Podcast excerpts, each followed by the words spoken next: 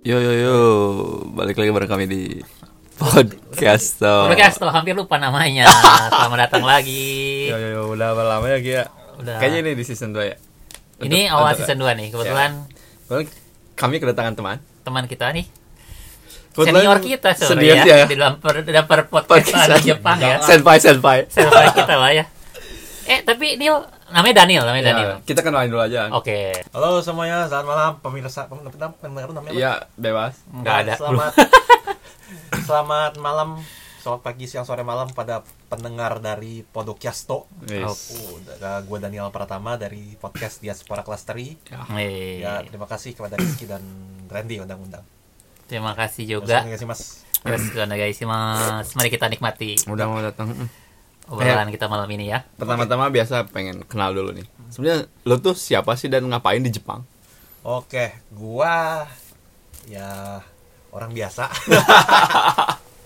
Dari sekian ribu orang biasa ya di Iya, Indonesia iya, di iya, Jepang. gue orang biasa dan gue ini orang Indonesia yang tinggal di Jepang. On a serious note, gue dulu awalnya ke Jepang tuh 2000 2017 sebagai pelajar di sekolah bahasa.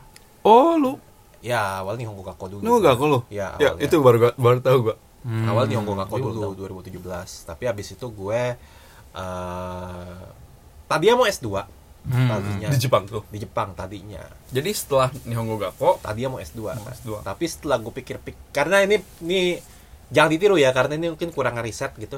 Hmm. Eh, gue pikir S2 di Jepang tuh sama kayak S2 di Indo tinggal daftar kampus gitu kan. Oke. Ternyata masih bikin paper, Ada masih ujian. bikin- ada Oh, gitu. ujian. Wawancara. Oke oke, gue baru tadi. gitu Oke, kan. baru. Anjing ini ternyata kayak S2 anjing begini. Gue pikir S2 tuh kayak di Indo gitu loh, pagi sekolah, malam kuliah gitu loh. Gak heran Ah. bos gue di Jakarta pada bilang, bos Jepang gue di Jakarta pada Ah. bilang gila orang Indonesia kuat-kuat ya pagi pagi kerja malamnya Sekolah. dagakuin gitu kan. Oh. Ya, ternyata di Jepang bukan nggak bisa, nggak bisa lu di Jepang S2 harus bener-bener lu mendevote. Ya kan Rizky mungkin familiar ya di S2 itu lu harus bener-bener ngedevote diri lu untuk penelitian gitu. Banyaknya cuti, ada yang cuti sampai cuti sih. Nah gitu kan. yang udah itu rata-rata cuti. Yang gue tahu ya, gue tahu ya, setahu gue ya. makanya gue pikir anjir ternyata mereka take it seriously banget ya buat S2 makanya akhirnya gue drop di idea sempat pikir pikir pengen pulang Hmm? Ternyata ujung-ujungnya ya kerja aja lah gitu Di sini. Iya, di sini. Eh ini itu lu sempat balik gak ke Indonesia? enggak enggak enggak sempet balik Oh jadi lu langsung nyari kerja di langsung sini? nyari kerja ternyata boleh ya di Oh. sekolahan bahasa Jepang gue Nah, ah, kayak ada beberapa dibantu Oke, ya gue oke, dengar-dengar ya. Iya, kayak iya, ternyata boleh, kerja. ternyata boleh. Nah dan itu persyaratannya bahasa Jepang atau gimana? Ya sebenarnya sih persyaratan kembali lagi ke ya kalau sebenarnya eh, JLPT mah kalau di Jepang JLPT mah harus lah ya harus. Walaupun ujung-ujungnya juga itu pertimbangan dari perusahaan juga ujung-ujungnya juga. tapi kalau ada mah harus lah gitu maksud Oh gue. gitu. karena gue dari sekolah mewajibkan JLPT gitu. Oh. iyalah kalau nggak minimal lu Nihongo Gakko kan Harus ada JLPT lah. iyalah Aneh kalau nggak ya. Maksudnya iya, kalau nggak ada JLPT. Gakko kan lu inter produknya kan antara lu S1 sama Gakko S2 atau Basic. kerja ya kalau bisa nggak dapet pulang ya masa pulang dengan tangan apa apa bedanya lu sama ngeles gitu kan Iya, iya. gue. Menarik nih gua nih. Ngeles yang gaya doang aja di. Jepang gitu. Lesnya jauh. Kata gue sih gitu sih. Ya, Hmm. awalnya sih gitu nih Hongko Gakko, terus Oke, akhirnya oke. kerja. Ya dari 2019 sudah kerja ya sampai 2021 sampai podcast direkam 2021. Ya udah pindah kerja dua kali. Ya begitulah kurang lebih akhirnya sekarang masih bekerja udah di Hmm. perusahaan yang ini sudah dua, hampir dua tahun. Yes. Mantap mantap Ya mantap. gitulah mantap. kurang lebih lah. Ini mungkin pertanyaan yang dulu yang kita sempat pas kenalin podcast pod, pod, pod, podcast ini sama yang teman-teman kayak kenapa Hmm. gua kenapa milih Jepang? Nah, Ah. Kenapa milih Jepang nih? Gue milih Jepang itu karena apa ya standar lah karena emang udah familiar dari kecil gitu sih. Oh, gitu? Iya. Familiar dari kecil gitu kan ya gua angkatan 90-an di mana waktu itu kartun Jepang tuh lagi Ah. ngera- ngera- ngerasain namanya wave wave-nya anime Jepang di Bener bener. prime time anak sekolah itu kan prime Bener. time anak sekolah kan jam 3 sore. Ya. Hmm, ya paling jam 4 lah paling sore jam 5 tuh jam 3 tuh gua gara-gara apa ya? Sebenarnya sih kartun Jepang gue kenal dari Doraemon, tapi waktu gue nggak ngeh Jepang. Cuma yang bener-bener gue tertarik ke budaya Jepang tuh jam 3 itu Rurouni Kenshin sebenarnya. Oh iya iya. iya. Samurai Samurai X. X zaman itu terkenal Samurai X tuh oh, itu bener-bener X, ya. wah akhirnya gue baru tahu tuh oh itu bahkan gue baru tahu tuh negara Jepang tuh udah ada Samurai X bahkan tuh sebenarnya Doraemon gue tahu gue tahu gue tahu negara itu Indonesia doang dulu sama Amerika dulu gue tahu gitu Ya, kan oke oke oke oke. sama Brazil lah gara-gara bola Bola. Dulu. Iya, iya, iya. era anak-anak SD gitu kan ya jadi dari situ tuh eh lama-lama karena emang udah emang dasarnya gue orang kalau udah suka pasti akan terus ngulik ya Ah, Ngulik banget ya ngulik, anaknya ya. ya ngulik banget ya dari anime terus tiba-tiba nyasar ke PS hmm. itu pun juga PS gue baru tahu nah setelah itu juga baru tahu tuh PS itu ternyata dari Jepang gue pikir Hmm. dari Amerika waktu itu Ternyata Sony ya. iya, Sony ternyata dari PS1. Jepang. PS1 habis itu oh ternyata kok Jepang begini ya baca komik segala macam lama-lama eh, belajar sendiri Jepang gitu-gitu gitu terus akhirnya memberanikan diri belajar bahasa Jepang ikutan les segala macam dan ya sudah lah the rest is history lah Hmm. Jadi wibu, oke, wibu, oke. wibu, Wibu, life wibu. cycle wibu bagaimana lu bisa tahu Astaga. sendiri lah gitu maksud gue cuma tinggal ya gitu aja gitu. Bener-bener anime segala macam Siap, belajar gitu. Dan akhirnya kerja sama akhirnya eh, apa ya eh, bahasa Jepang belajar segala macam. Akhirnya main game Jepang terus bisa kenal sama orang Jepang terus akhirnya Hmm. kerja di perusahaan Jepang segala macam. Ya udah gitu aja sih. nggak pernah ya karena ada skill udah ada skill aja jadi melekat terus lah gitu. Nah sebenarnya gue ini mas kayak Hmm. pertanyaan kayak kayak klise gitu. Lu kan eh lu sempat kerja di Indonesia gak sih? sempat sempat Sempat. sempat gue kerja di Indonesia dua gue kerja di Indonesia tuh sekitar empat tahun lah. Tapi perusahaan Jepang.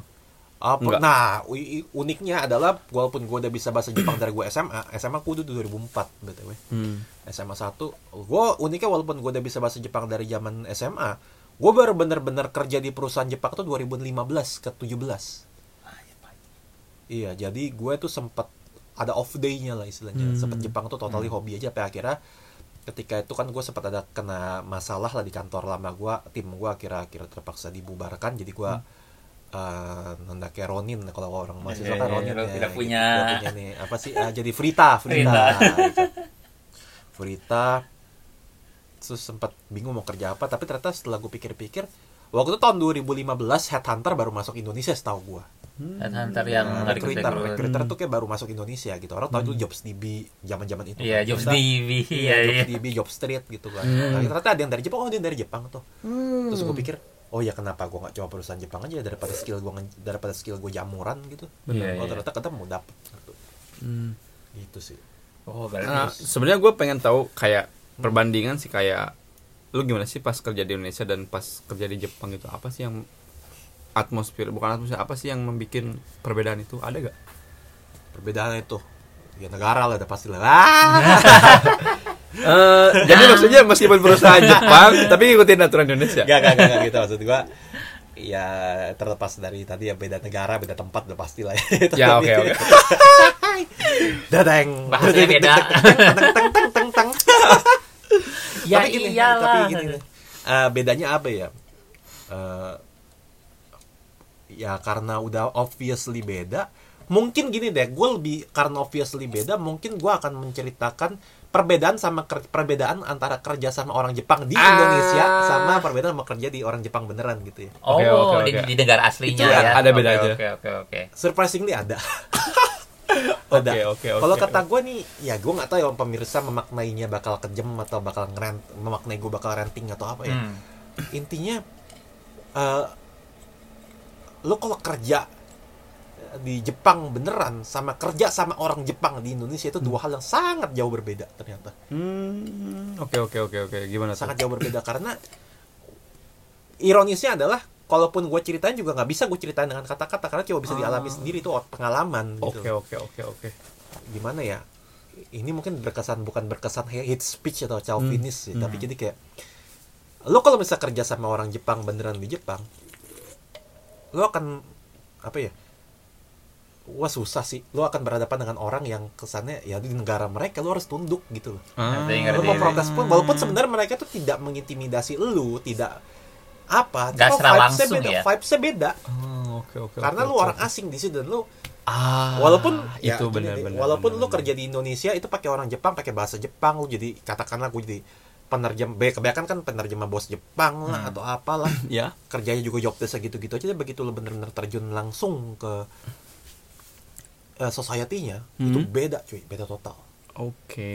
gitu sih vibes-nya beda sih Vibes. Vibes-nya beda ya. walaupun sebenarnya job desk seperti yang gue bilang job desk sama Mm, mm, kerja mm. pakai bahasa Jepang juga gitu Itu bisa digeneralisasi gak sih? Maksudnya di di apa digeneralisasi sama orang-orang asing sama yang lain itu maksudnya sama orang Eropa atau yang Indonesia. Kalau generalisasi sih gue nggak berani ya, karena gue nggak berani ngomong karena itu kan beda-beda tiap field ya. Mungkin kebetulan gue mungkin dapat perusahaannya tuh yang strict banget. Ah, ada juga yang dapat perusahaannya nggak dulu awal kerja itu gue dapat perusahaannya yang benar-benar eh, strict banget jadi gue stereo semua stereotype perusahaan Jepang yang lu baca di media itu gue dapet tuh langsung tuh Oh. Nikai terus lu kalau ngomong sama Sacho itu Sacho itu harus pakai bahasa Keigo Keigo. dan Eh, uh, mungkin ya. kalau Keigo mungkin waktu itu Keigonya nggak nggak gimana banget tapi kalau misal lu nggak ngomong tidak ngomong dengan sopan tuh bakal diomelin gitu dan di situ gue Hmm. ngerasa tuh bener-bener kayak lu diomelin karena bahasa Jepang lu itu bukan salah tapi tidak tepat penggunaannya gitu loh. Hmm. Eh lu kalau ngomong sama bos lu,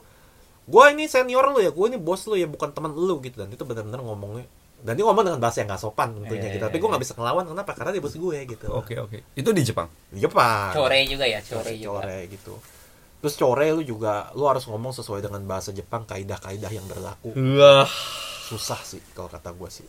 Iya Ya itu nggak bisa lo jelaskan dengan kata-kata karena kalau gue jelasin dengan kata-kata orang Indonesia kan bilang ah gue udah bisa kok udah N2 gitu gitu. No man, it's different totally different sih. Oke oke oke oke oke. Hmm.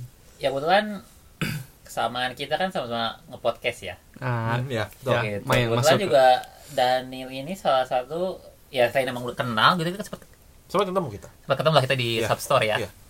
yang Substore gua emang. be- eh, atau di orang Indonesia ada yang eh, di Jepang yang nge-podcast itu ya cuma Daniel sih Ya. atau Ya. kalau ada yang lain Ah, ya, gue salah satunya juga. eh ada satu yang anak, Night anak in itu Tokyo, Night in Tokyo. nah in Tokyo Ya, itu juga ada satu kontak sih.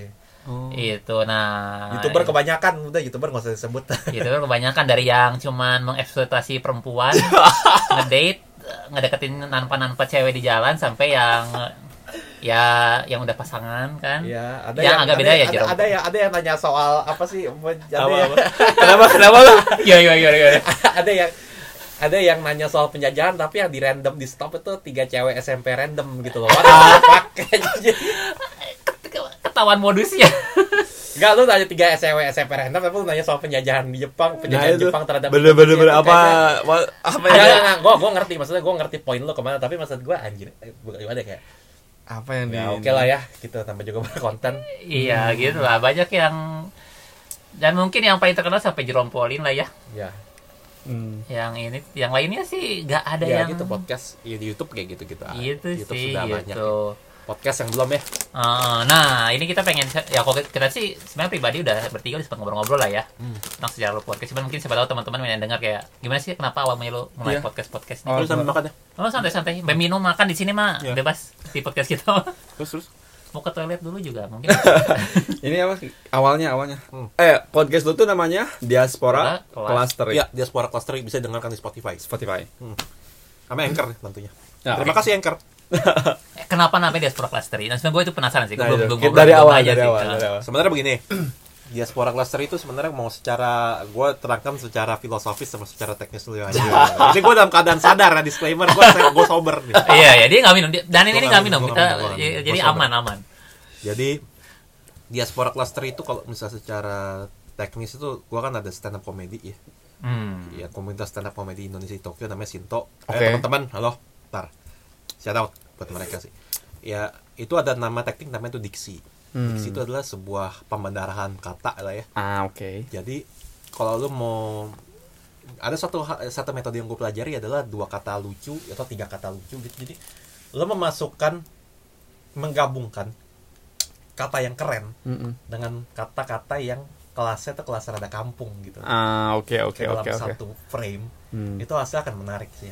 Catchphrase-nya menarik Hmm. gitu. Kayak misalnya diaspora tuh kan wuh. Oh, kayak kalau kita Iya. denger Oh. diaspora tuh langsung anjir. Serius, Serius. ngebahasnya yang Oh, serius-serius. serius dan mapan sudah tahu apa yang dilakukan Bener, bener, minimal bener. terlihat seperti Terlihat. itu Nasionalis Terlihat. untuk bangsa dan segala macam lah, minimal gitu. terlihat seperti Terlihat. itu ya. Iya, minimal iya, terlihat iya. seperti itu gitu ya Bener bener bener.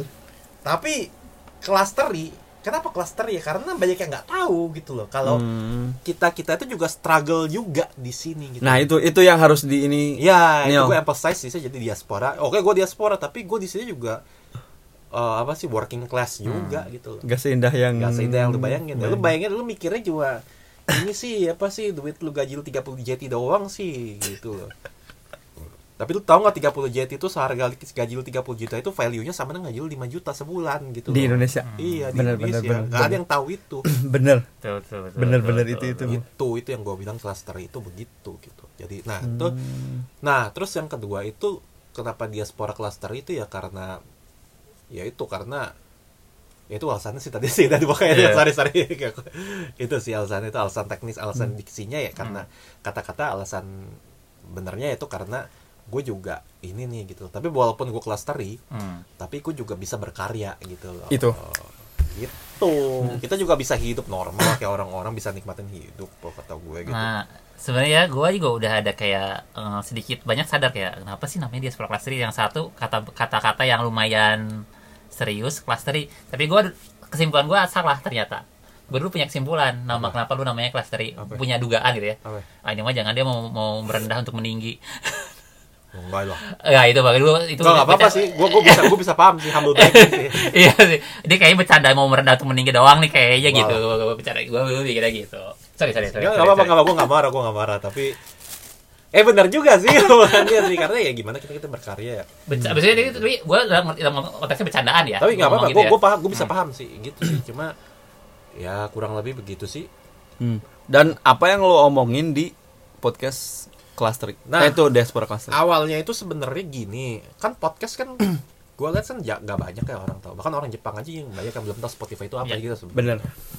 Mereka tahu Spotify itu ribet kayak gitu aja gitu ya. Oke. Cuma karena gue sering denger podcast juga di Hmm. yang ironisnya gue denger podcast tuh semenjak gue di Jepang justru Oke. ya karena itu kan Spotify itu kan 2018 baru booming ya dan gue Baru di. Jepang gitu Iya, gitu. iya. hmm, gitu ya lupa. podcast itu pertama gue denger podcast ya katakanlah podcast podcast yang di Indonesia terkenal siapa sih box to box Coba pernah. terus em, eh, ada podcast awal minggu podcast Awal awal minggu. minggu, ada Awal Kolbi Makna Talks. terus Magna Talks eh, Gofar Hmm. segala macam dan eh, 30 Days of Lunch gitu dan Hmm. gue gue berpikir dan era-era itu kan Indonesia mulai banyak tuh talk show talk show gitu Kalau Bener, semua bener, jadi bener, host talk bener, show bener, kan bener. gue pikir ya nggak ada salahnya sih pengen coba gitu kan ya sebenarnya Hmm. gitu kan dan awalnya adalah sebenarnya gue tuh pengen bikin podcast tentang kehidupan orang Indonesia di Jepang Hmm. ya, kayak mewawancara orang Indonesia di Jepang tuh kehidupannya gimana sih gini gini gini gini tapi setelah awal tuh episode kalau lu perhatiin episode episode awal tuh masih tuh Hmm. bisa gue sama temen Jepang gue lah ini Bener, lah, Gue bener, ingat, gitu. gue bener, ingat, bener. gue ingat. tapi setelah sekian lama gue pikir-pikir tadi gue mau kasih variasi nih sebulan sekali gue pengen bintang tamu dari Indonesia gitu lah istilahnya kan Hmm, oke, Biar- oke. karena gue masih update sama orang Indonesia nih Hmm. tapi setelah gue pikir-pikir gue tuh sering diledekin sebenarnya sama teman-teman gue Hmm. Teman-teman di sini. ya orang Indonesia katanya bilang lo kok update banget sih sama orang eh sorry teman-teman yang Indonesia di Indonesia gitu Oke. Ah, Indonesia, lo kok Indonesia. update banget sih sama pergaulan tanah air gue aja nggak pernah nonton lo walaupun gue di Jakarta gitu. Hmm. terus teman-teman Jepang gue juga baik yang nggak tahu gitu ternyata oh lo update ya gini gini gini terus gue mikir emangnya ya apa apa yang salah dengan itu? Gitu loh. Benar, benar, benar. apa yang salah dengan itu? Kan gue pikir satu kedua banyak yang akhirnya tahu. Justru setelah mereka nanya kayak gitu banyak yang tahu akhirnya. Orang di sini banyak yang baru tahu eh Nil gara-gara lu tuh gue jadi denger nih si si ini nih Hmm. si itu. Karena banyak yang nggak tahu. Baskara Baskara Putra nggak ada yang tahu siapa Fis nggak ada yang tahu Vira Talisa nggak ada yang tahu terus si siapa sih? Eh Arito Pramono juga nggak ada yang tahu orang Indonesia tinggal di sini gitu kan. Tapi setelah mereka dengerin rekomendasi dari gue mereka tahu gitu loh. Terus gue pikir-pikir oh ya sekali-sekali gue updatein mereka-mereka yang di sini aja ya tentang situasi di Indonesia. Masa? Karena gue kasihan juga bro. Orang-orang Indonesia di sini itu taunya itu berita-beritanya yang berita-berita yang caur-caur gitu ya. bener bener. Apa sih yang nggak bagus semua gitu Berita-berita loh. sedih-sedih yang sedih menyebalkan. gitu gue pikir sekali-sekali kasih yang entertainment yang bagus-bagus aja lah gitu istilahnya Oke, Kayak oke, gitu. oke. ini musik bagus nih gitu Hmm. nah kira ya gue terpikir untuk sekali-sekali boleh lah gue interview orang-orang yang artis yang gue suka musisi yang gue suka ya lama-lama udah sampai sekarang sampai podcast ini direkam sih sudah 57 episode ya lama-lama keterusnya puji Tuhan sih gitu maksud Nah, gue jadi- gitu loh Dan ini untuk teman-teman kemarin tuh dua minggu yang lalu ya, Hah? baru yang sama Panji Iya, gua Pragiwaksono. Panji Goblok anjing itu anjing, anjing dia berhasil wawancara Panji seorang Panji Pragiwaksono. kolaborasi antara Diaspora Cluster dengan Stand Up Indo Tokyo ya, alias Sinto Hmm. gitu. So, jadi kita kolaborasi antara podcast Diaspora Cluster X Sinto atau sebaliknya. Hmm. Sinto X Diaspora Cluster adalah podcast gue sebagai talent dari stand up comedy Indonesia Hmm. itu pengen mewawancarai komika-komika nasional gitu Hmm. dengan memperkenalkan Sinto juga gitu. melalui So, dia seorang kelas kelas dari ya kan gue part, part kedua part Iya. of keduanya Part of keduanya, nah, part Panji keduanya. Pragiwaksono itu salah satu talent eh, episode kedua sih episode pertama itu Bata Effendi dia tuh salah satu humas dari startup Indo ya, pusat Hmm. yang kedua ini Panji Pragiwaksono ini kehormatan oke, buat oke, gua oke. sih itu sih keren sih, thank keren you dan dengerin. Congrats, thank you thank you, Iya, thank iya. you, thank you. Congrats, congrats. Dan nih selama 57 episode, Ah, lu di antara satu episode ada gak yang anjing? Ini episode terbaik gua. Ada gak? episode terbaik gue ya Hah. episode terbaik gue Paling tuh feel good lah. Uh, sebenarnya gue bisa mengklasifikasiin sih kalau yang uh, hasilnya saf hasilnya paling feel good buat gue hasilnya paling feel good dan perfect pitch perfect segala macam itu Panji Pragiwaksono sih Kemarin ya. paling kemarin itu benar-benar pitch perfect dan setelah gue dengerin hasilnya itu kayak gue denger podcast orang lain aja gitu yang bagus gitu Bener-bener. Iya. Gua gua denger, gua denger itu anjing parah. Ini sih. anjing itu bahkan gue mau bilang keren tapi anjing ini kan podcast gue sendiri gitu loh Iya, gitu tapi kan. bias, berusaha nggak bias iya gitu iya, kan. tapi gue nggak bisa bilang tuh keren gitu loh karena ngerti, ngerti, ngerti. itu sih kalau misal hasil secara hasil tuh yang paling gue puas Hmm. banget tuh yang akan gue banggakan sampai mungkin seterusnya itu sih Bahkan lu pas pas gua lihat yang episode 12 kan sama Vira kan, Vira ya Vitalisa. itu juga sih gue suka sih Anjing sama Vira Talisa. Se- Sebenarnya sebelum gua ke Jepang udah tahu Hmm. si Vira tuh emang sering su- sering enak lah Iya. lagunya. Hmm. Yang ber- berhasil sama Vira Talisa juga. Ya, Well, sih. berarti lu itu gimana sih ada komunikasi khusus atau lu apa mempergunakan koneksi lu atau emang langsung calling si ya gue sih jujur aja sih eh, kalau ah, apa ya kalau Vira Talisa itu memang gue kenal ya secara Sama pribadi Talisa? sama pribadi secara pribadi kenal Oh. ya secara pribadi kenal terus kebetulan juga sama pemain band sama band membernya gue juga lumayan sering ngobrol Talisa tuh eh, yang sekolah di Prancis kan? Prancis Prancis Prancis kan? yang apa sih pem- apa eh, pemain apa band membernya apa session player juga eh session player bukan ya pokoknya pemain bandnya dia lah itu gue juga cukup dekat sering ngobrol soal musik soal game gitu dan Hmm. itu ya harus diakui gue punya privilege di situ sih gitu Ah, oke oke. oke. jadi kalau orang nanya lu gimana sih Gancam ya gue berterima kasih atas privilege gue sih bukan gue sombong ya tapi daripada gue kasih yang kelisa-kelisa kerja keras gini gini gini gini enggak gue ngaku aja itu itu sebuah privilege yang gue punya bukan berarti gue sombong katanya maksud gue Iya. adalah apa pun sumber daya yang lu punya lu pernah lu Manfaat. manfaatkan dengan maksimal aja dah Bener gitu dah. bener bener tuh. Gitu bener, sih. bener bener Gitu Ma- sih. jangan malah denial juga jangan ya. denial jangan denial gue sih ngakui aja sih Bener bener bener. gitu Gitu.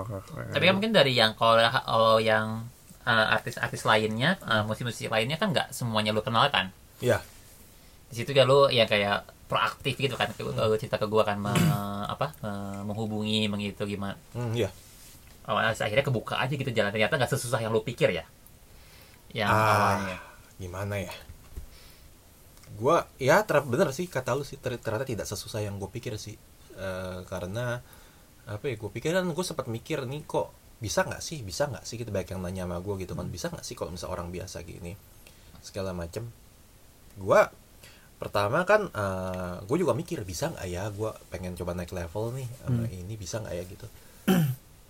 Gue sempat takut sih takutnya ah ini mah main-main nih. Ah Hmm. ini mah gini nih. Cuma setelah gue pikir-pikir ada satu gue denger dari interviewnya Helmi Yahya. Mm-mm. Q&A-nya Helmi Yahya ada satu pertanyaan yang sangat menarik di user apa di salah satu pas dia Q&A sama netizen. Hmm. ada satu netizen yang bertanya sangat menarik ke si Pak Helmi. Dia bilang katanya Pak Helmi saya punya konten YouTube atau podcast. Saya saya orang biasa Pak Helmi rakyat jelata. Boleh nggak rakyat jelata kayak saya? Orang biasa kayak saya itu mewawancarai Pak Helmi. Pak Helmi dengan lugas jawab boleh saja asalkan waktunya cukup. Dalam hati gue pikir masuk akal sih. Terus setelah gue pikir-pikir pertanyaan gue satu kan banyak orang nggak mau gue bilang lu kenapa kayak gini? Gue tadi sebenarnya gue pengen sih interview coba interview artis gitu tapi gue takut aja takutnya nggak takutnya apa ya gue siapa gitu gitu. Gue nggak bisa gitu gitu. Pertanyaannya gue akhirnya bertanya sama diri gue sendiri gitu. Akhirnya gue menemukan satu jawaban. Hmm. itu kan nggak bisa bukan nggak boleh kan? Ah. Gitu. Iya, iya, iya.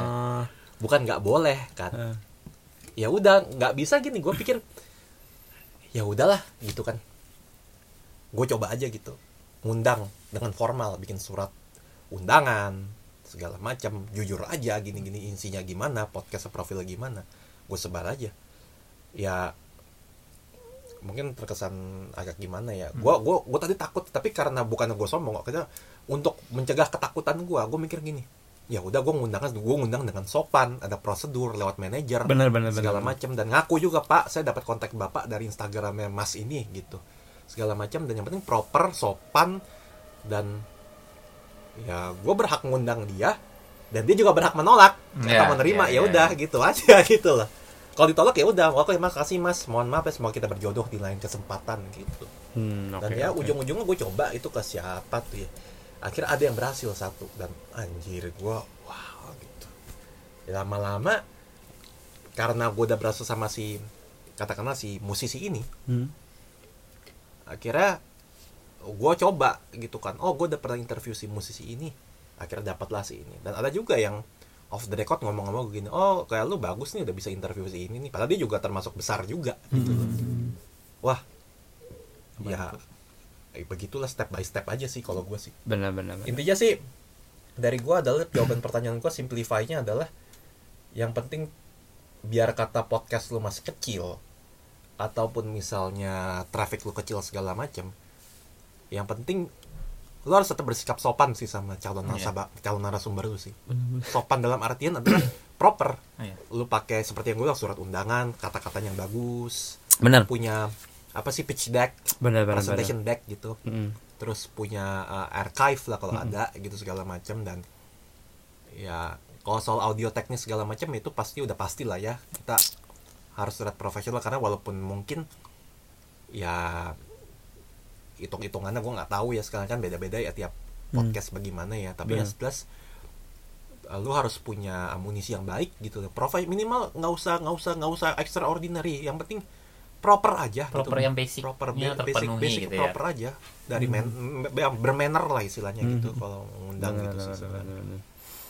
soalnya benar sih makanya ini yang kemarin gue nanya kan itu udah ngobrol duluan kan sebenarnya ya cuma ini kayak lumayan kayak sharing yang lumayan bisa ya mungkin sepatu pendengar di bidang yang kayak sama-sama bergerak di content creator juga podcast podcast juga gitu. Ya caster juga. Jadi nambahin lah inspirasi ya lah gue gitu, juga masih belajar. gue juga masih belajar sih sebenarnya sih tapi ya udahlah ya gue gue mau belajar kan ini kan atas apa yang sudah gue lalui iya kan pengalaman gitu. lo kan. Eh tapi lu selain podcast ada ini gak sih yang lain yang lu kerjain itu yang kayak di konten Kalau konten sih nggak ada, tapi paling kalau kegiatan mah ada stand up Indo Comedy Tokyo itu salah satu kegiatan lain yang gue lakukan sih. Itu sih. Mhm. Tapi itu kan bareng-bareng sama yang lain gitu. Iya. Hmm. Nah ini sih makanya eh, salah satu yang menurut gua gua lumayan apa ya? Gua bilang eh, ah si Daniel keren banget nih gitu kan.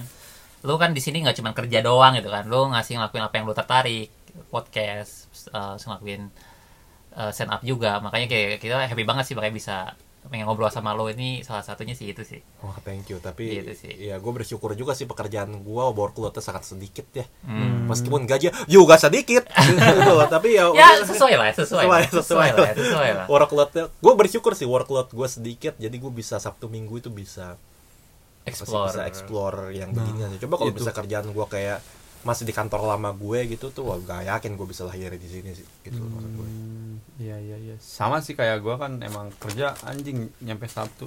Jadi kayak sempit banget gitu pengen ngapa-ngapain tuh. Ya gue bersyukur di situ sih. Iya Iya kan? gitu. Ya kembali lagi manfaatkan privilege yang lu punya sih kalau Benar benar benar benar. benar. Udahlah gitu aja lah. Oh, tadi lu nyinggung-nyinggung Sinto stand up Indonesia Eh, Tokyo ya. Tokyo. Ah. Itu gimana ceritanya?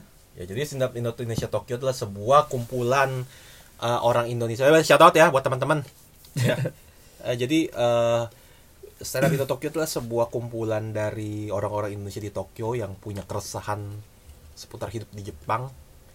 Tapi kita menyalurkan secara positif, secara karya, secara seni dengan membalut dalam komedi. Nah, Jadi instead oke. of instead of maksudnya kan kita tahu lah orang Indonesia diaspora di Indonesia itu kan banyak ya istilahnya kan Hmm. kerja macam-macam ada yang mahasiswa ada yang uh, jisuse atau pekerja magang ada yang ibu rumah tangga Kantoran, ibu ada rumah yang tangga. uh, apa sih uh, mahasiswa pe- pengangguran juga ada pekerja kantoran kayak gue juga ada mahasiswa S3 kayak Rizky juga ada, Ada. gitu kan Mhm. ya macam-macam bahkan psikolog aja ada gitu. Oh, Iya, oke gitu oke. Iya, kemarin gua yang apa yang apa sih tawa tawa itu Tokyo Tawa Tokyo itu Tawa yang- gitu Tokyo Tawa itu acara yang buat open mic itu ya open mic ya jadi kita punya open mic eh, Tokyo Tawa namanya Tokyo Tawa jadi ini pan ya Hmm. jokes bapak-bapak gitu Tokyo Tokyo Tawa itu kan tower kan Tawa ya. Ah. jadi jadi kita bor apa jokes bapak-bapak gitu loh, Tokyo Tawa. Ya karena kan ya, ya gitu. Jadi kita pakai kita kan butuh yang lucu-lucu ya begitulah gitu kan. Nah, jadi kita daripada kita sekumpulan pemuda daripada kita menyalurkan dengan menyalurkan stres dengan kondisi yang eh menyalurkan keresahan kita dengan sesuatu yang tidak baik gitu kan ya kita lebih baik kita berdamai dan kita tulis komedi aja gitu buat menghibur orang melegakan diri sendiri dan syukur-syukur bisa menjalin koneksi baru gitu Bener-bener. Nah, lu kan di Indonesia tuh kan ada stand up Indonesia. ah iya Nah, itu ada hubungannya gak sih sama itu lu? Stand up Indonesia Dengan Tokyo. Mungkin a- apa namanya? Wah, ini cabang Tokyo gitu. Wah, ini apa gitu. Itu ada gak sih hubungannya?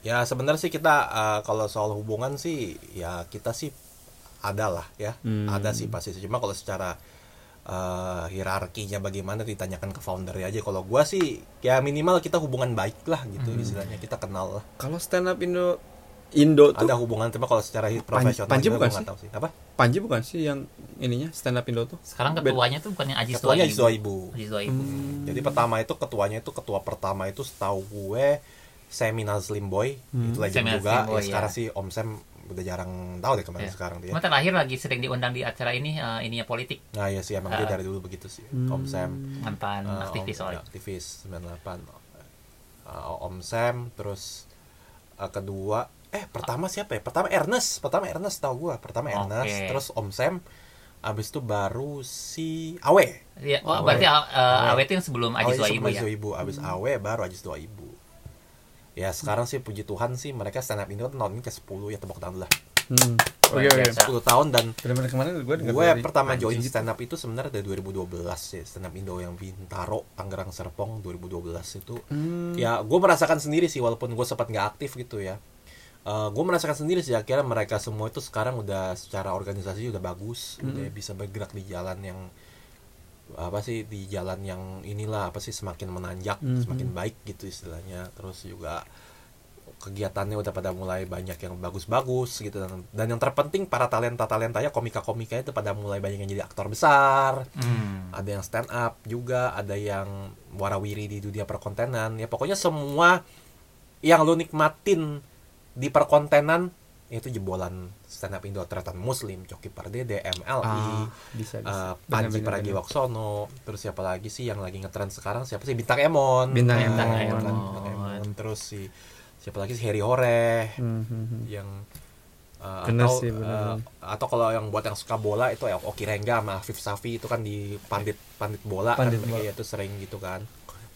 Banyak sih. Ya gue bilang sih stand up Indo sih gue sangat berterima kasih stand up Indo karena ya ya salam buat Batak dah sebagai gue masalah lebat Uh, jadi dia tuh apa ya kalau kata gue sih uh, mereka bisa apa ya me- mem- mem- mengkaryakan memberi wadah buat orang untuk berkarya itu mulia sangat sih kalau kata gue sih mulia sekali dan gue bersyukur ya stand up Indo Tokyo tuh bisa berada minim bisa berada satu lingkup lingkup dengan mereka sih kita Hmm. bisa berkarya gitu segala macam sih luar biasa lah gitu sih. Hmm. Nah, gue pengen ngomongin stand up itu, misalkan nih, Nah, gue pengen stand up, Hmm. tapi gue katakanlah gak lucu gitu, maksudnya dalam tongkrongan tuh gue nggak bisa ngelucu lucu. lah, bukan yang ngelucu Bukan yang gitu.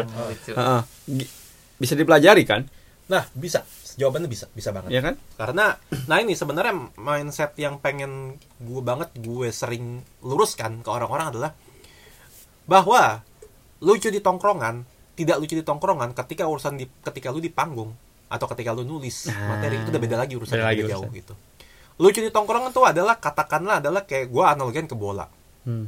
Messi Hmm. kurang berbakat apa Messi? Hmm. Messi itu orang berbakat yang dikasih panggung dengan benar dan diasah dengan benar dengan pengawasan yang benar, Benar-benar. akhirnya jadi superstar Hmm. gitu. Beda dengan Ah. katakanlah ada pemain yang benar-benar jago main bola. Bener. Ya minimal street football dia Hmm. jago tapi dia tidak mungkin attitude-nya kurang atau misalnya memang dia demam panggung atau misalnya memang dia itu tidak apa sih atau dia tidak bisa berlatih dengan baik atau misalnya memang ada aja yang Kalau di main pengen- bola bisa di iniin ke Neymar gak sih? Neymar masih hitung berhasil lah karena dia akhirnya ya, Neymar emang berhasil, being, berhasil being, gitu. being pro lah Ini masih lu pro tau lah Freddy Adu pro. gak sih? Freddy Adu. Freddy Adu ah, itu lebih lebih pas Nah, Freddy Adu kan ada ada Messi, ada Freddy Adu, lo mau pilih mana gitu loh. Freddy Ah, Adu Bojan Bojan Kerkic eh Bojan Kerkic, Bojan masih ini masih lebih mending sih Freddy Adu lebih parah sih Hmm. Ya kecuali yang cedera ya gitu. Kalau cedera Ah, mah kita nggak- iya, kan kecuali iya. kayak misalnya Febri Freddy Freddy Adu gitu atau ya siapalah gitu. Maksudnya Oh, Messi Hakim, sama Freddy Hakim. Mastur yang Hakim Mastur Hakim dia juga Mastur. gitu kan. Ya, atau siapa tuh yang kata Ronaldo sering bilang tuh Fabio Paim tuh. Apa ya, Biopai ya itu kan itu kan lu mereka berbakat tapi mungkin ya banyak faktor lah antara antara lu nggak bisa dengan benar gitu. Ya mungkin mereka nggak bisa make it on the big stage. Begitu juga dengan Ronaldo ada juga yang kayak Ronaldo gitu sebenarnya mungkin dia Ah. awalnya juga biasa aja buat tapi karena latihan keras Bener, bener, macam bener, hingga bener. akhirnya dia bisa Ronaldo emang di umur tiga Karena latihan gitu iya dia. gitu sebenarnya gitu ya ya itu kan analogi ya ya itu itu analogi dengan lucu di tongkrongan atau nggak ada orang beneran lucu di tongkrongan lucu di tongkrongan tuh bakat lu lu tuh Nah, bisa itu. ngocol tapi ada yang ketika di panggung dia nggak bisa nulis nggak Oke. bisa ngomong gitu akhirnya ya udah akhirnya dia terbuang sia-sia dan memang gitu tapi ada yang di tongkrongan garing banget segala macam. Tapi begitu lu suruh nulis emang orang jago nulis jago bikin Hmm. konten begitu di panggung dor. Gitu gak jarang seperti itu gitu.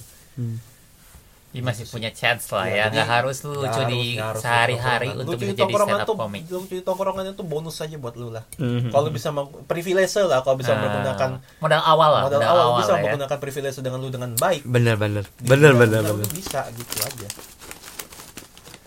Nah nih kan kalau tadi kan eh, ya biasanya yang gua tahu tuh si stand up comedy itu ngomongin keresahan ya. Hmm. Keresahan lo apa nih? Biasanya yang lu suka sharing yang jadi bahan materi lo. Nah, sampai ini saat menarik nih. Keresahan kita tuh sebenarnya kan kita adalah orang-orang kita ngomong secara umum dulu aja Iya, ya. iya, Kalau iya, stand up iya. Indo Tokyo itu kan orang-orang Indonesia tinggal di Jepang. Hmm. Keresahan kita adalah ya keresahan masing-masing punya keresahan macam-macam. Hmm. Hmm. Coba yang bisa gue baca, kita tuh punya pasti ada lah minimal lo keresahan lo tinggal di Jepang itu bagaimana sih gitu Hmm. dan kalau misalnya dari gua gitu ya kayak kemarin waktu ada interview dengan kom- comika.id uh, Panji punya apa sih event or apa uh, produknya Panji? Manajemennya, manajemen oh, Comika ID itu kan sempat wawancara si Lucky sama Fatan founder ya Lucky founder ya BTW. nah si Fatan pernah bilang begini salah satu keresahan kita adalah ya itu kalau nggak salah ya gue gue sorry sorry tan ya kalau correct me member nggak tan ya bukan apa tapi gue yakin ini pasti pasti di jalan yang benar kok itu gitu aja. Masih dalam intinya benar Intinya kok benar intinya lah. benar, kok walaupun kalimatnya nggak 100% ya intinya banyak yang bosan gitu loh kalau kita komikain orang Indonesia orang tinggal di Jepang tuh kadang-kadang kita menerima komen dari Indonesia kayak misalnya ya Sugiono lagi Iya. Kakek Sugiono lagi, Miyabi lagi, Egi seorang lagi. kakek Sugiono kali ya mungkin yang sekarang kayak gitu ya maksudnya kalau kata Fatan Hmm. guys yang lebih lucu dari kakek Sugiono itu sangat banyak gitu loh dengar, Jadi. Kita tuh pengen membawakan keresahan kita tentang Jepang tuh tuh, tuh whole new level gitu Iya, perkenalkan lagi yang sih. Nah, bahwa benernya ya termasuk salah satu keresahan gue dikira tinggal di Jepang itu enak itu kita keresahan kita Hmm. juga gitu kan. Gue kan gak usah komedi lu pada juga merasakan keresahan yang sama kan istilahnya gitu. dengan cara masing-masing Iya, gitu. kesalahan yang sama. Itu kalau kita umum ya. Jadi yang menjadikan kita unik ya karena kita tinggal di Jepang dan kita bisa memberikan fakta-fakta lain. Oh, ya. Orang kalau bisa ngomong tentang Jepang kan ya istilahnya ya fakta-faktanya sebagai turis mungkin pengetahuannya dia keresahannya terbatas gitu kan. Misal keresahan kayak soal- ya orang ngomongin soal stand up materi Jepang apa sih selain Sugiono, Miyabi, bokep paling yang umum-umum apa sih Bunuh Naruto, diri. bunuh diri kalau nggak ini WC ya Iya. elah, WC, Hmm. WC Yang dibawain orang guys iya. gua masuk tiba-tiba WC bisa bungkuk sendiri loh guys ya, itu kan udah sering lah Iya. istilahnya Ya, itu, itu, standar banget sih. standar banget nah, Standar kita banget kita pengen memberikan whole new level gitu loh Ngerti, ngerti, ngerti, ngerti. ya termasuk untuk kalau gua pribadi sih pengen gue pengen ngebungkam mulut bukan ngebungkam jahat Iya. banget gue ya pengen, pengen memberikan ini loh ini loh ya bahwa ternyata di Jepang tuh keresahan gitu kayak begini karena jujur aja gua pribadi nih gua nih ya Hmm. bukan yang lain ya ini balik ke gua nih mengerucut ke gua nih. salah satu keresahan gua adalah gue tuh pengen gitu gue tuh sering resah ditanya sama orang yang tidak percaya kalau gue tuh resah tinggal di Jepang gitu loh serius karena disangkanya di Jepang itu enak gitu loh Hmm. Ya kayak misalnya gue sering dibilang begini kan gue gue kangen pulang nih. Ya elah kangen pulang, lu kan di Jepang udah enak, bisa makan ini, bisa makan itu, orang-orang juga baik-baik. Ya gue bilang ya orang Indonesia juga mikirnya politik mulu sih. Kan kita Hmm. juga punya keluarga, kita punya teman dekat gitu loh. Kita Oh, kangen gitu. Ngerti, loh. ngerti. Ya keresahan kita di Jepang, keresahan satu keresahan gue adalah gue tuh resah tinggal di Jepang tapi nggak ada yang mau mendengarkan gitu, nggak ada yang percaya gitu loh. Saya karena disangka hidup enak, nah kenapa hidup enak? Ya, makanya dia sebuah kelas teri gitu. Ah, nyambung lagi. tapi ya gitu maksud gue itu salah satu keresahan utama gue sih gitu sih. Bahwa ternyata tinggal di Jepang itu tidak seenak yang dibayangkan gitu. Ya nggak apa-apa kalau lu berpikir enak gitu Iya, Cuma iya. ya, Hmm. lu pikir enak kan tinggal di Jepang kan enak kan makannya ramennya enak kan nggak selalu tahu ya makan ramen ichiran tiap hari bangkrut. Gua gitu. Gue di dompet kesehatan juga nggak tahu ke depannya Iya, gimana Iya, babi lu. Lemaknya segitu gitu ya gitu sih Hmm. keresahan gue gitu ya. Selebihnya ya keresahan keresahan gue keresahan keresahan umur lah keresahan LDR lah. Hmm. kayak pacarku. Eh pacar lu di mana lu? Indonesia. Indonesia. Iya. baru pacar ya belum belum belum lama ya lo baru jadi Belum, jadi belum, belum uploadnya bulan ya? kapan dulu nih? Uploadnya minggu depan minggu depan minggu depan minggu depan minggu depan, minggu depan nggak nggak jauh jauh banget jauh banget jauh banget. Ya udah. Ya baru 4 bulan gitu lah LDR gitu sih.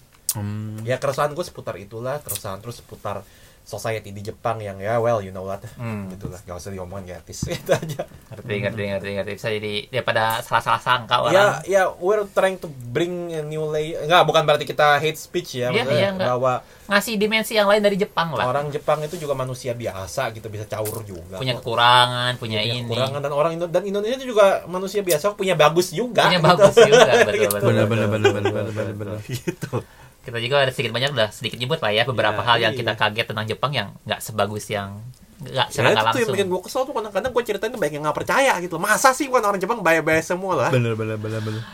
kayak gue cerita ke kakak gue gitu ya kayak di Jepang ada yang teman gue suka demo. Oh sih di Jepang ada yang suka demo? Iya emangnya di sini orangnya nurut nurut nurut semua Oh, gitu enggak. ya enggak juga gitu gitu.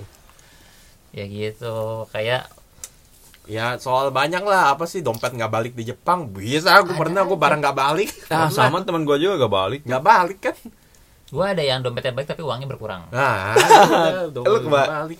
Yang waktu itu? Bulan bulan bulan kemarin. Terus gue ya. gua gua kalau misal minta dompet balik disangka dirasisin pernah gue gitu. Maksudnya? jadi rasisin gitu diminta.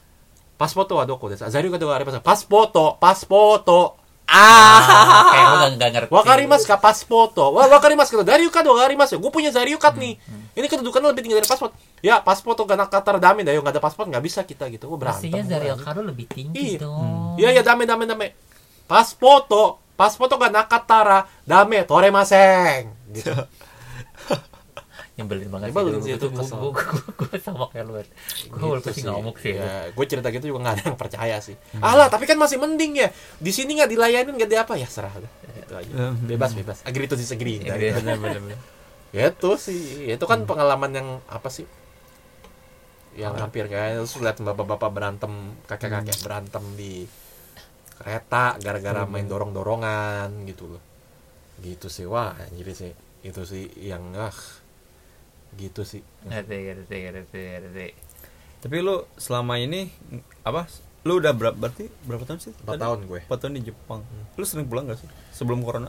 Sebelum corona gua ya sebelum corona ya ya lumayan lah re- agak reguler banget mah enggak lah ya setahun Tahun sekali, sekali, ada ya. lah Sekali ada.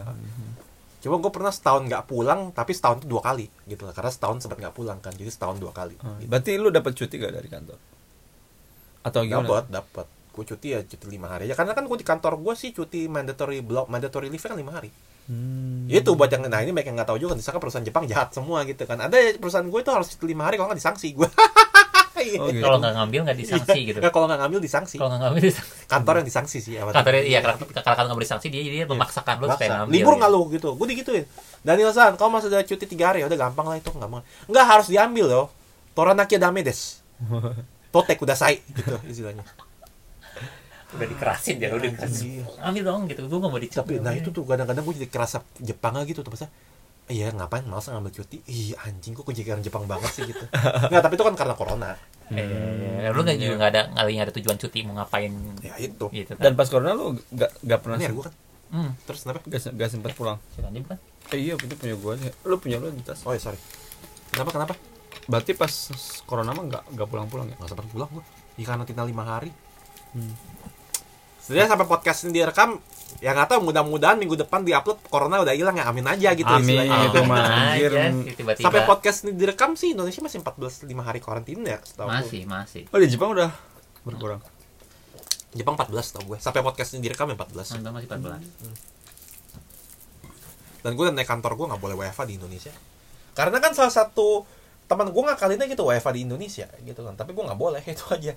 Oh. WFH Indonesia. WFH di Bali lagi Iya. tracking WFH di Bali Eh, kayak siapa sih waktu itu? Wah, gue no comment dah soal itu dah daripada ntar netizen ya gue juga masih nggak tahu coba itu lagi lagi Ya, WFH aja di Bali, WFH di Bali, ya. WFH di Bali ah tahu itu ay Ya cukup cukup segitu. ya sampai podcast ini direkam lagi rame soal itu Lagi lah ya. rame, masih ramai itu masih Tapi- hangat itu masih hangat. iya hangat. sih banyak sih iya Gitu sih. nggak tahu sih mau diarahin ke mana kalau masalah yang gitu gitu tapi lu Iya. masih update ya masalah Indonesia Ya itu makanya nah itu ke orang kesekian lu ngomong lu orang kesekian yang ngomong. enggak maksudnya kayak kayak Masih, masih, perpolitikannya gitu Ya karena gue gimana ya? Ya karena gue orang sosmed banget ya Azik. iya sih Iya, Gue iya. sosmed banget sih mau nggak mau ya pasti yang nongol kan itu. Oh, bener bener bener Ya bener. karena berita di Jepang kan gak ada yang menarik sob. Itu aja sih. Ah, ada sih. nah yang itu menarik. Ada sih. itu sih itu yang harus orang-orang tahu acara TV di Jepang itu gimana ya Mbak? Apa Lu punya berita TV, aja lu punya TV. Punya punya. Nah, berarti lu lebih update dibanding kita lah. Eh, acara-acara di Jepang tuh kayak gimana sih kayak acara TV-nya tuh Aduh gimana? kebanyakan ya? berita gak sih Pendapat atau lu pribadi lah, pendapat lu pribadi lah. Enggak gini deh, gue nggak berani, gue nggak akan bilangin sampah-sampahan lah ya. Maksud gue acara TV di Jepang itu ya gitu-gitu doang gitu. maksud Banyak gue. variety show, variety show lah ya. variety show, variety show gitu. loh. Kalau di Indonesia mungkin ya variety sama juga. Karena Bener. gini, orang Jepang pun juga resah sama acara TV mereka sendiri. bener bener bener bener bener bener Ya kayak istilahnya kebanyakan kalau nggak review makanan, review makanan yang ya review makanan yang cuma oishi doang gitu kan. Terus habis itu di, di zoom in atau di zoom in makanan itu ada efek tring gitu kan nih. Itu kan kayak gitu template-nya gitu kan istilahnya. ngerti, ngerti. Dengan narator dengan narator yang nadanya monoton. Sa, bener aja bener gitu kan. Iya, oishi gitu gua. bener bener Gitu bener kan. gitu nah, terus kalau nggak variety show variety show yang diisi oleh B class celebrity Oke. orang Jepang ngomong B class celebrity gitu jadi maksudnya makanya kenapa kok kayak misalnya variety show itu ya artisnya ganti-ganti atau artis semua gitu nggak ada orang sipil gitu artis semua ternyata karena memang B class gitu kan entertainment Jepang salah satunya gede juga gitu makanya banyak banyak pegawai kan dikasih ke kuis gitu. Itu baik yang gue itu yang gue denger ya. itu yang gue denger ya correct me if I'm wrong. Loh. Ada yang sifat tuh suka-suka banget punya protes ya, itu Ya, pendapat ya, pribadi di pribadi aja aja gitu dong. ya, ya. lagi nggak sebut nama juga tapi gitu sih acara TV di Jepang tuh menonton. Tapi ada yang bagus. Ada. Yang bagus tuh apa ya? Ya music station lah. Itu kan udah 35 tahun tuh music station tuh gue suka. Terus kalau enggak kadang-kadang apa ya? Berita sih. Tapi berita Jepang sih bagus. Kalau berita Kalau warta berita. nah Jepang gue akuin kalau acara warta berita itu enjoy nonton di Jepang. Yang ngebahas ngebahas fenomena politik tertentu politik itu tertentu dikemasnya dan, lumayan dan kemasnya menarik lumayan ya. bagus dan eh, apa ya? Editingnya bagus. Gitu aja Hmm. sama mereka tuh kalau tiap kali ngebahas ngebahas sebuah ini pasti ada segmen tersendiri dan itu menarik sih gitu. Terus yang bukan gue nggak ada TV, cuma gue beberapa kali pernah nonton gitu. Dikemasnya tuh dari cara orang berpakaian atau apa itu kayak nggak terlalu serius, tapi ngebahasnya serius, cuman kayak suasana eh, studionya, pakaian orangnya nggak kayak yang kaku-kaku banget nggak sih? nah itu yang gua pa- yang gua puji dari acara TV Jepang membuat yang setidaknya membuat terlihat bagus Hmm. walaupun sebenarnya isinya gitu-gitu doang itu adalah karena ya memang editingnya bagus Hmm. editing penyajian ini sama ininya ya. bagus itu tuh yang gua suka yang harus kita Sampai pelajari yang lah Acara serius-serius sekali Iya, iya. juga. acara-acara cetek-cetek pun juga mereka niat bikin itu harus diakui sih ya makanya Hmm. ke dunia TV di Jepang kan keras ya gitu loh karena gue tahu dari teman gue kerja TV itu keras banget sih gitu loh untuk acara kasarnya untuk acara yang katakan lu sampah itu harus effort tuh tuh 10 kali lipat daripada acara yang ini. Lu kebayang gak sih kebayang acara yang kayak udah 35 tahun kayak Music Station gitu gimana Hmm. kerasnya gitu? Hmm. gitu sih. Bener sih. Gitu kalau kata gue sih acara TV di Jepang ya. Gitu lah enjoyable. Cukup lah ya untuk meramaikan kesepian di kamar lah ya. ya oke lah. Walaupun sekarang TV gua lebih lebih sering dipakai buat PS sih gue sebenarnya sih gitu. Hmm. Wih, lu kayaknya eh, tadi kan begitu datang ya, kita kan Ah. langsung lu pengen nyari game PS. Ah. Lagi ini lagi main eh, nostalgia game-game retro ya. iya gue baru beli PS1 gue kemarin PS1 akhirnya gue beli apa Soul Evil Soul Soul Oh, Edge, Edge. Soul Blade, Soul Blade. Wow, kalau lu anak sangkatan gue Soul Edge tahu lah ya. Mitsurugi, Sofitia, Siegfried, Cervantes. Pokoknya Saya dari Mina. itu, lu Voldo. game game detail tahu banget, musik juga tahu banget. Hah, gue mah Detail cuma sekedar baca aja gue. Coba selalu teman gue yang gue tahu, yang gue SD, gue teman di Instagram atau gini tuh yang yang lumayan detail, yang range-nya lumayan luas tuh. Ya lu salah satunya nih. Nah, lumayan nambah nambah nambah referensi gue juga kayak lu upload upload kan uh, Ah. sharing sharing kan Ah. apa yang lu tahu Ah. jadi memang apa sih kayak lu dari zaman dulu tuh apa gitu kayak kalau masuk ke musik lu lumayan kayak sering baca ngikutin si beritanya atau gimana Iya, gue emang suka musik sih anaknya sih.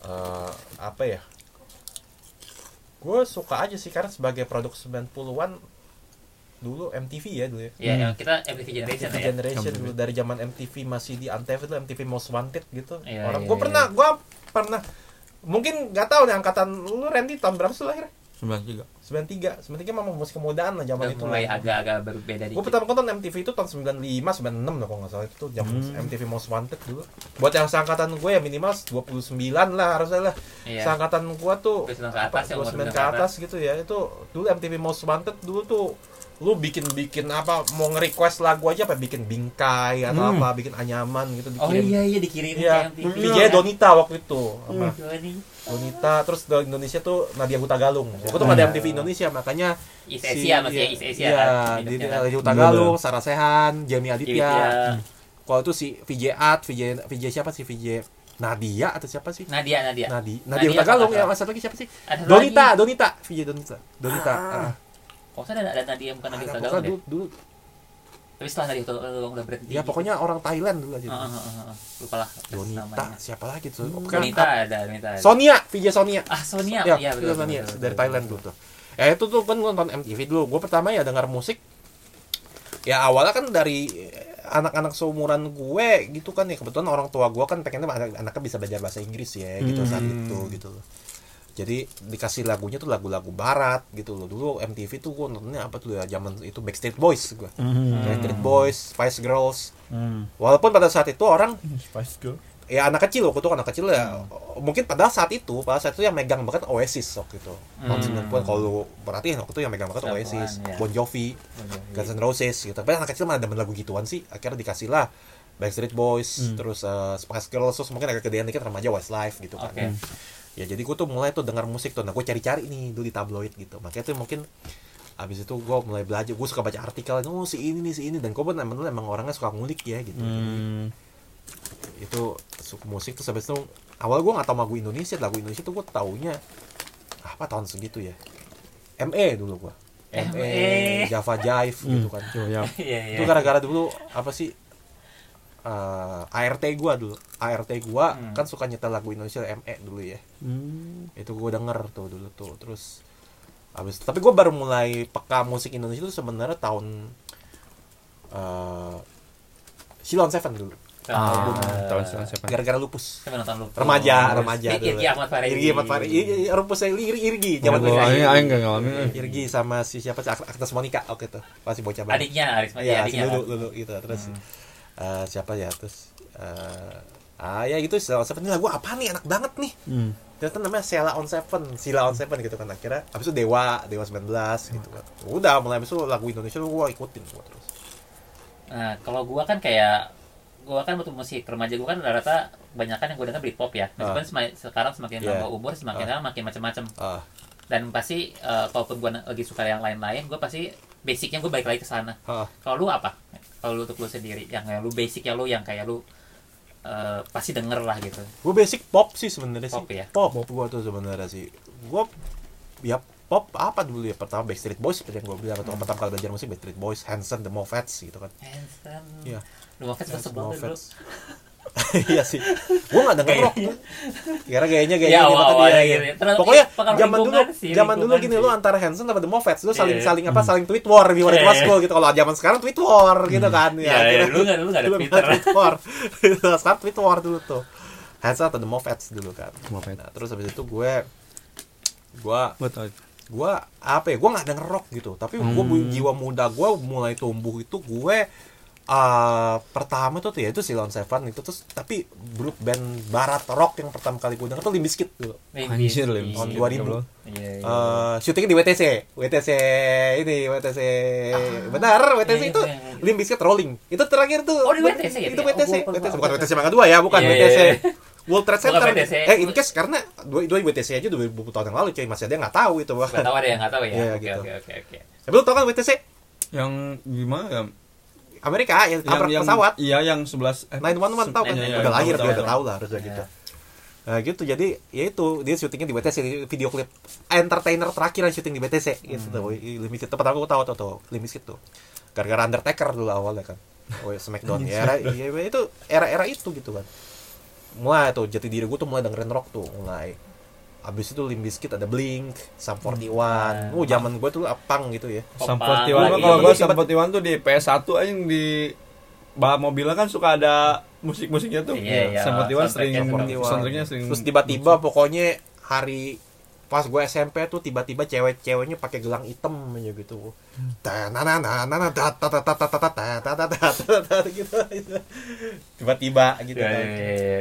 emang apalagi Tuh. muncul Avril Lavigne ya jadinya Hmm. Relevant popang ya, di cewek itu makin cewek makin gitu kan. Nah itu gue pertama kali denger itu. Terus selain itu gue dengar, tapi sebenarnya ironisnya, eh bukan ironis apa uniknya adalah musik Jepang juga mewarnai gue dulu awal. Pertama musik Ah. Jepang itu kan soundtrack anime gitu kan. Ah, awal perang lu musik musik anime ah ya, sebenarnya musik ya. anime gitu kan. Oh jadi Barat dulu, Indonesia baru Jepang, ya Hmm. berbarengan lah. Gara-gara oke. itu soundtrack anime tuh Digimon pertama kali bikin jatuh cinta sama Hmm. Kenshin gitu. Kenshin itu menurut gue anime dengan satu soundtrack satu soundtrack terbaik itu Kenshin sih sampai sekarang sih. Oke oke. Oh ini ya. Gua gak pernah nonton. Ya, Oh, jadi Kenshin belum? sama-.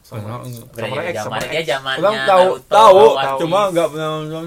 Dia Holy Trinity itulah. Iya. Kayak Kenshin nontonnya yang movie dia pasti sih. Nggak pasti ya Buffy ya. Ya terus habis itu ya jadi gue Jepang segala macam terus ya berbarangan lah habis itu baru. Tapi kalau misalnya musik Jepang sama Indonesia gue selalu berbarengan. Barat yang gue nggak gitu ngikutin sempat sekarang sih. Terakhir itu lu bejak Jepang dengerinnya. Ba- eh, pokoknya masa remaja gue tuh lebih banyak musik Jepang sama Indonesia sih. Justru musik remaja gue itu remaja gue itu musik Barat tuh malah gue nggak denger. Oh, musik oke. Barat remaja gue apa ya Linkin? Yang terkenal terkenal aja Linkin Iya, Park. yang mainstream mainstream Uh, Maroon ya, five. Maroon 5, Uh, Blink. Hobastang, Hobastang. Blink, terus apalagi ya Simple Plan, Coba plan. uh, imo baru yang imo zaman zaman imo Ya, baru bangkit uh, lagi tuh. Apa sih band emo tuh? My Chemical My Romance, Chemical Romance. Plain White T-shirt itu imo kan sih plain Plain White White T-shirt. T-shirt tuh emo nggak ya? Di apa ya? Emo sih kalau nggak Blaster, Eh nggak emo Blaster. emo banget nggak Tapi sih? imo pun juga gue baru Tapi zamannya eranya sama Iya, barengan imo, nggak ya? imo pun juga sebenarnya gue sebenarnya imo itu juga awalnya gue tahu Michael Chemical Romance tapi habis itu gue baru tahu dia itu imo itu gara-gara skena lokal gue gitu loh. Oke. Eh, for your information, ini fun fact ya. Hmm? Kalau lu buat para pendengar ada yang tahu band band imo namanya Tertin, ada vokalisnya namanya Reina Raharja. Reina Raharja itu dulu teman sekolah gue dulu. Gitu. Gua Gitu, nggak teman SMA gue. tahu. Bukan ada kalau misalnya in case ada yang tahu ya, Reina Iya, tuh iya, mantan iya, vokalis Tertin iya, tuh eh, satu SMA sama gue. Tahu deh dia dia gak kenal gue tapi gue cukup ya dia terkenal karena ya biasa kenal-kenalan remaja namanya lah. Remaja. ngerti anak band di Ya gitu sekolah sih, iya. terkenal lah Itu perjalanan musik gue sih itu sih gitu ya. Dia musik mah gue dengerin aja lah. Indonesia gue dengerin kok semua. ya Sampai dangdutnya juga gue dengerin. itu makanya lu range makanya gue bilang kayak range luas gitu ya lu kayak pendengar hampir semua je- jenis musik Ya, karena- musik Karena by default sih gue tuh musik itu bener-bener pelarian gue kalau misalnya gue lagi apa ya gue harus ada musik harus ada musik gitu. Hmm. Gue zaman dulu nih apa ya gue tuh kalau misalnya lagi gabut tuh kadang-kadang MTV gue nyalain aja dulu kan MTV masih 24 jam kan Iya. gue nyalain Hmm. aja MTV Ah, gitu. bener-bener ada ada ada. Jadi gue tahu Gua tuh lagu-lagu itu 24 jam. zaman-zaman itu tuh apa ada band aku bisa nyanyi. Padahal dulu kan gue wibu sebenarnya. Tapi gue diledekin sama temen gue. Kok lu wibu tahu lagu-lagu Indonesia sih lu? Gua- Ya karena memang waktu itu gue gue berani bilang di sekolah gue, gue tuh wibu yang paling update sama lagu Indonesia karena MTV itu gitu loh. Mhm. Gue sih gitu sih. Gue jadi ngalor ngidul ya ngomongan gue. Iya, iya, iya. enggak, enggak, enggak, emang karena awalnya kita juga yang mancing kan Iya, ngomongin iya, soal iya. soal musik kan. Tapi yang menarik gitu. sih. Kayak kalau makanya kalau gua kan dulu gua tuh masih sempat ada ada masanya gue yang sok-sokan tuh yang kayak musik selain yang berdorong ya, tuh poser. menyebalkan gitu kayak Ada gue juga. Ada zaman itu band ada. tuh- boys band pernah ada poser poser ah semua orang pernah poser? ngalami itu gue pernah gue pernah kok ada zamannya di mana gue tuh merasa merasa orang paling keren sedunia dengan baca majalah Rolling Stone dulu. Serius.